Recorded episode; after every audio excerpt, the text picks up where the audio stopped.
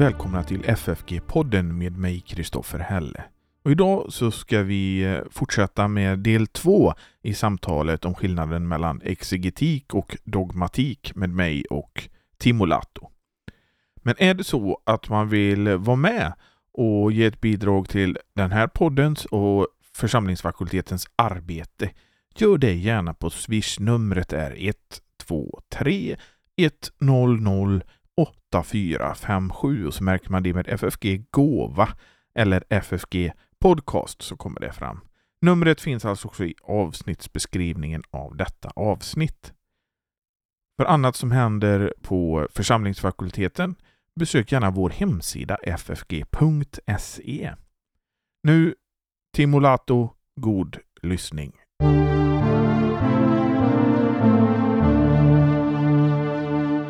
Vi exegeter brukar göra på det viset att, att vi analyserar texter och sen finner vi av slumpen eller av, på grund av en tendentiös forskning. Vi finner alltså olika linjer. Paulus skriver så här. Johannes har en lite annorlunda synpunkt. Sen Jesus har sagt något. Och sen har vi äh, Jakob som ställer sig bakom en viss synpunkt och, och sen har vi Petrus som har en ny linje. Och vi finner alltså sen alltså, äh, vi, vi exegeter ofta alltså olika linjer. Och sen naturligtvis, det tillhör sakens natur, att dessa linjer är lite mot varandra, eller åtminstone skiljer sig från, från varandra. Och sen en av dessa linjer, konstigt nog, är just den linje som vi vill ha idag. Och sen kan vi säga alltså att nu väljer vi Johannes linje eller Paulus linje eller, eller vi väljer Hebreerbrevets linje. Och sen kommer vi till slutsatsen att vi är bibliska.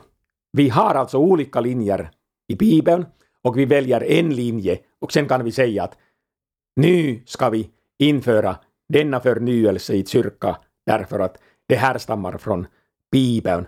Och det är liksom på det här viset vi ofta tänker när exegeter vill liksom motivera någonting i dagens kyrka. Och det är ofta just så där att vi plötsligt märker att en biblisk linje är liksom den linje som vi vill ha idag. Och sen väljer man den. Och när man har alltså sett det här flera gånger så börjar man alltså inse att det här är en tendentiös tolkning av Bibeln.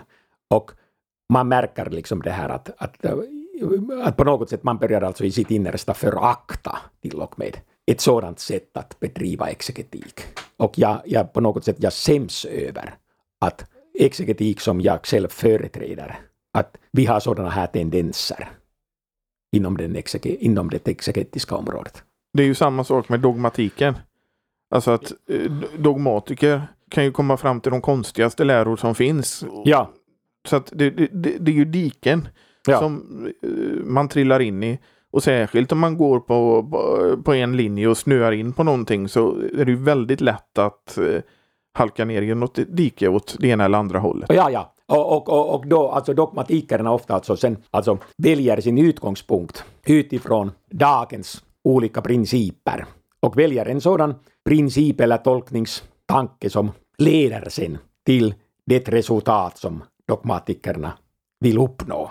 Och då är det liksom lite på samma sätt alltså att man sen alltså använder sin kunskap, sin vetenskapliga kompetens kanske inom citationstecken, men alltså att man använder sin vetenskapliga kompetens och väljer en sån synfallsvinkel som sen tillämpas på Bibelns texter och när Bibelns budskap liksom pressas in i, i denna tvångsskjorta så märker man alltså att naha, nu, nu får vi eh, ett resultat som överraskande nog stämmer överens med det som vi vill ha idag. Jo men så var det ju, om vi tittar på 1800-talet så eh, skulle de göra Jesus-biografier. Ja. De skulle tala om hur Jesus egentligen var. Exakt.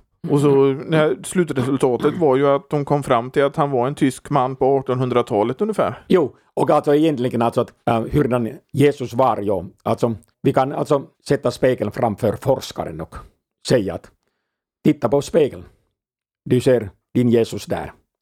Alltså det, det, det, det ser ut så som du själv. Jo men det är ju så. Ja, Det, det, det, det, det, det, det är här. Och när vi alltså läser alltså lite exegetisk forskningshistoria, det, det är just alltså sådana här vetenskapliga, och då för tiden sade man att sådana vetenskapliga och objektiva forskningsresultat som vi har nu uppnått och kyrkan borde alltså sen anpassa sig efter dessa objektiva forskningsresultat. Och nu när man alltså um, ser bakåt i tiden eh, så märker man alltså att det här var ju löjligt. Det här var liksom, ja, vilket ord borde jag använda, men, men alltså att, att det här var liksom ett bedrägeri. Att man, man liksom var sin tids barn och märkte inte att de forskningsresultat som jag kommer med, att det är sådana forskningsresultat som eh, jag har uppnått därför att jag är min tids barn. Och jag vill alltså uppnå sådana resultat som jag ville. Och sen har man alltså med stort högmod talat mot kyrkan och, och påstått att kyrkans Jesusbild var en falsk Jesusbild och, och jag vet bättre. Men faktum är att kyrkans Jesusbild har varat genom alla dessa århundraden och årtusenden, men, men just som du sa det, alltså alla dessa tyska Jesusbiografier eh, från 1800-talet, alltså, De, de, de, de har alltså ingen relevans idag. De har, eh, alltså, forskare visar ett intresse för dem bara uh, ur forskningshistorisk synvinkel. Sen finns det ju exegeter som har gjort bestående intryck också. Ja, och man kan alltså säga vad som helst eh, när, när, när, när det gäller till exempel Luthers texter. Men faktum är alltså att han var alltså en bibelexeget först och främst. Och det som han har alltså skrivit, alltså, det har fortfarande äh, en stor relevans i många avseenden. Och sen har vi naturligtvis efteråt eh, vi har senare också, också alltså sett många goda exegeter som har jobbat troget och um, verkligen de har velat läsa Bibelns texter som texter och inte gå bakom texten eller mellan raderna. Och en sådan exeget som jobbar med själva texter och inte med obefintliga källor inte läser texten mellan raderna eller går bakom texten. Redan sådana exegeter, vilka åsikter de sen hyser i olika frågor. Men sådana exegeter ännu har någonting att säga idag. Men om, om vi tar kanske den mest kända exegeten här i Sverige och i, i vår tid så är det Hugo Odeberg som, som vi har talat om här i podden flera ja. gånger. Vi har också talat om fariseism och kristendom. Ja. Men där gör han ju någonting som är unikt skulle jag säga, där han klarlägger först då de här missförstånden som finns. Ja. Och sen förklarar vad skillnaden är och, och utifrån texten. Ja, han är ett jättegott exempel på en exeget som har skrivit böcker som fortfarande har en jättestor relevans. Sen behöver vi inte säga att allt som någon har skrivit är sant. Det är knappast så. Bibelns budskap är sant, men, men att um, vi människorna, vi kommer till korta och vi är uh, våra tiders barn. Men det är ju härligt att, att uh, få läsa om Odeberg och, och läsa hans texter därför att man märker att han har åtminstone försökt jobba med texten själv och då har hans iakttagelser alltså eh, en större relevans än, alltså jämfört med sådana forskare som går bakom texten. Men sen är det väl så att exegetiken på något sätt kan man säga att det ska mynna ut i dogmatiken. Det man eh, läser ut, ut ur texten måste vara någonting som man sen lever ut också. Ja, ja, och, och alltså Bibelns Bibelns texter är liksom kyrkans basis och grund. Och um, kyrkan har ingen annan basis än Bibeln. Och um, Bibeln ska fungera som det enda måttstocket för läran men också för liv och livsvandring. Så, så att eh, Bibeln, eh, Bibeln ska styra kyrkans lära och liv i alla avseenden. Jag tänker om vi tar till exempel, vi har ju lutherska bekännelseskrifter. I Sverige kallat Svenska kyrkans bekännelseskrifter. Mm. Men vi har till exempel Concordieformen där. Där man går igenom vad man vänder sig emot och där man använder exegetik, vad Bibeln säger, för att komma fram till dogmatik. Ja, och um, när det sen alltså gäller just reformationsarvet så får vi återkalla i minnet att Luther inledde reformation, eller Gud inledde reformation genom Luther, men Luther sa det just det här att, alltså att om det inte finns klara bibliska texter som ifrågasätter det som jag har sagt, eller om det inte finns samvetsorsaker, så kan jag inte förneka det som jag har skrivit, utan jag står fast vid det. Och det var liksom början av hela reformationen. Och där ser vi just alltså att den som studerar bibliska texter, att um, sådana teologer kan ha alltså en enorm betydelse i kyrkans historia men också alltså i, i allmän historia. Men om man eh, till exempel börjar gå in i isagogiska frågor och datering och olika teorier och så. Det är ju väldigt lätt att man går lite vilse i exegetiken. Ja, och, och sen eh, kan man också, alltså sådana isagogiska frågor är alltså viktiga och isagogik, det är alltså, det är fråga om det här är alltså ett speciellt begrepp och det är fråga om, om sådana saker och ting som har med, alltså med sådana inledningsfrågor att göra. Vem har skrivit en viss eh, biblisk text och när och, och hur och till vem och, eh, och sådana saker. Men det är som du sa, sa det att forskare kan lätt liksom drunkna i dessa detaljer och egentligen aldrig komma åt själva budskapet i Bibelns texter, utan man behandlar alltså alla slags detaljer och alla, alla slags isagogiska frågeställningar och, och historiska finesser och, och sen alltså lämnar själva um, det bibliska budskapet åt sidan. Nej, men om man tar, jag kan ta mig själv som exempel. När det kommer till sådana här frågor så jag har ingen åsikt i vilket evangelium som är först, när det är daterat. Men jag mm. vet att det finns olika teorier om det och att man kan argumentera för olika saker. Ja. Men, men en sån som, som jag vill inte ha, känner mig inte beredd att ha en åsikt i det. Så är det ofta. Sen alltså, allt påver, påverkar allt. Och om man liksom sendaterar vissa bibliska texter så att de härstammar från början av första århundradet eller äh, början av andra år, århundradet eller så, så det är alltså en liten detalj, men, men alltså det leder till den slutsatsen att den där texten inte är en apostolisk text, utan härstammar från den andra generationen eller till och med från den tredje generationen efter apostlarna. Och då liksom uppstår ett starkt tvivel på sanningsvärdet eh, i, i, i dessa bibliska texter och, och det, har, det kan sen ha alltså sin påverkan uh, i, i, i, fortsättningen. Men, men alltså att, Men, men Timo, jo. ibland blir det ju en sport att försöka, vissa eh, forskare eh, vill datera så sent som möjligt och vissa vill datera så tidigt som möjligt. Ja, ja det, det, det, det är sådana saker och, och som sagt alltså att äh, dessa frågor har ingen direkt koppling med vår, vårt ämne idag, men, men som sagt, alltså allt påverkar allt och allt det som finns med inom exegetikens område och allt det som är med inom dogmatikens område, det har sin betydelse i helheten. Och, och man brukar säga alltså att om fjärilen flyger i Sydafrika, alltså att en fjäril som flyger där påverkar vårt klimat i Sverige, även om det är alltså en ytterst liten påverkan som kommer från fjärilen i Sydafrika med tanke på vårt klimat här. Men, men att det, det liksom åskad, åskådliggör um, ehm, hur allt hänger ihop. Men just det här med de här sakerna som är det får, det får ju också göras en skillnad då på, på det akademiska och på det kyrkliga. Jag menar de här att, att diskutera dateringar i kyrkan till exempel. Det hör ju inte hemma där men det kanske gör i, i inom akademin? Ähm, ja, och överhuvudtaget denna skillnad mellan det akademiska och det kyrkliga, alltså, det hänger ihop med, med definitionen av vetenskapsbegreppet. Vad är vetenskap? Och vi vet att alltså dagens forskare räknar med en ateistisk definition av vetenskap. Så att man liksom hela tiden förutsätter att vi kan förklara allt och det finns alltså denna, detta samband mellan äh, orsak och verkan. Och alltså Gud kan inte påverka historien. Vi får inte räkna med Gud, utan vi, vi måste räkna med bara med ateistiska metoder. Och det är liksom dagens definition av vetenskap. Men här skulle jag alltså säga att om vi nu alltså försöker också kombinera exegetik och dogmatik, alltså om vi alltså ställer tillräckligt många varför-frågor till vetenskap. Varför är det så? Sen vetenskapsmannen ger sitt svar. Sen ställer vi åter varför. Varför? Varför?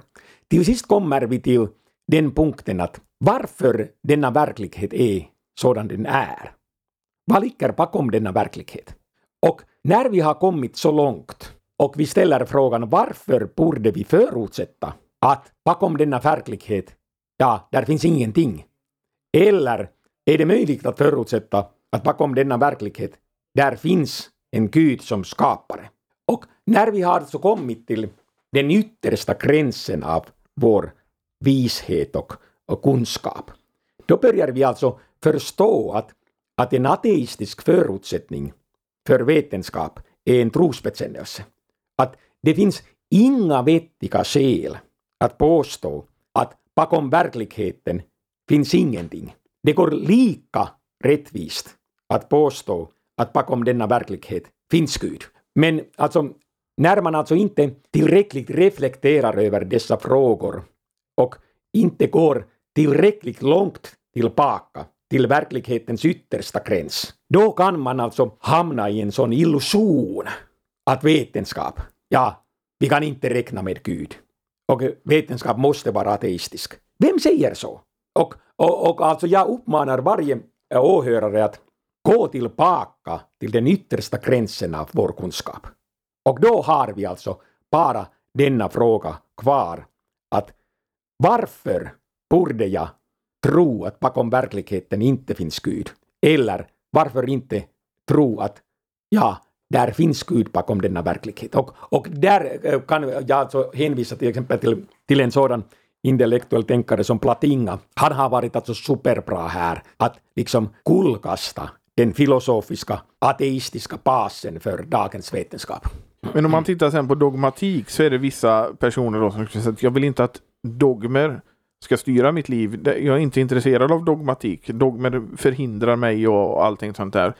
Men det blir ju också en dogm eller flera dogmer av att man säger att man inte ska ha någon lära. Um, ja, det, det, är alltså, alltså dagens sanning är, är ju alltså att det inte finns några sanningar. Det är liksom dagens sanning att det inte finns någon sanning. Men det är ett postmodernt samhälle som... Eh, ja, ja, så tänker många, många människor att jag kan alltså uh, acceptera vad som helst, bara någon inte kommer till mig och säger att det finns sanning. Och därför alltså kristendomen idag har alltså en jättestor utmaning. Därför att kyrkans budskap har alltid gått ut på det påståendet att det finns en sanning och det finns den sanningen och Jesus själv säger att jag är sanning och mina ord, min lära, det är också sanning. Så att det är alltså en sådan utmaning idag. Och jag, jag, jag förstår mycket väl att dagens ungdomar, dagens intellektuella tänkare, de har svårt med, Jesus, med Jesu utmaning och med kyrkans budskap därför att, att en riktig kyrka, Kristi kyrka, aldrig kan säga att nej, men det är bara tolkningar eller det är bara perspektiv och olika linjer som vi pratar om. Nej, Kristi kyrka har alltid sagt Jesus är sanning och hans ord är liv och ande. Hans ord innehåller den rätta undervisningen och stackars den människa som överger denna sanning, han går evinnerligen förlorad. Men salig är den människa som ens försöker förstå och försöker komma åt sanningen. Och Jesus kommer med detta löfte. Jag får kanske läsa det här, kanske till sist eller Visst. Ehm, det som vi har här i Johannes evangeliet kapitel 8. Det, det är ett fantastiskt textavsnitt. Det är alltså en diskussion mellan judarna och Jesus. Och judarna sen tänkte och menade att Jesus var besatt av en ond ande. Alltså, värre kan det inte bli idag. Att man menar alltså att Jesus representerar mörka krafter. Och sen säger Jesus att nej, jag ärar min far och ni vanärar mig. Och sen har han alltså sagt här att i denna diskussion att om ni förblir i mitt ord är ni verkligen mina lärjungar. Och ni ska lära känna sanningen och sanningen ska göra er fria. Att jag skulle säga till alla sådana lyssnare som har svårt med den kristna sanningen att ge för en gångs skull, ge denna sanning en möjlighet. Och försök fördomsfritt säga till Jesus att om du är sanning, Du behöver inte säga till honom att du är sanning. Men du kan säga till honom att om du är sanning, visa det för mig. Och sen får du uppleva det som Jesus lovar här att ni kommer, kommer att lära känna sanningen och sanningen, sanningen ska göra er fria. En fantastisk, ett fantastiskt löfte. Att Visst. Ja. man får uppleva friheten.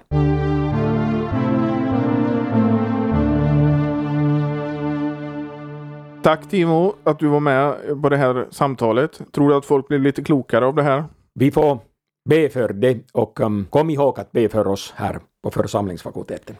Och ge gärna ett eh, bidrag på Swish. Numret är 123 100 8457. Finns också i avsnittsbeskrivningen av detta avsnitt. För annat som händer här på församlingsfakulteten så finns vår hemsida ffg.se. Ja, välkommen till oss. Ja, Hej. och vi hörs igen nästa vecka. Hej!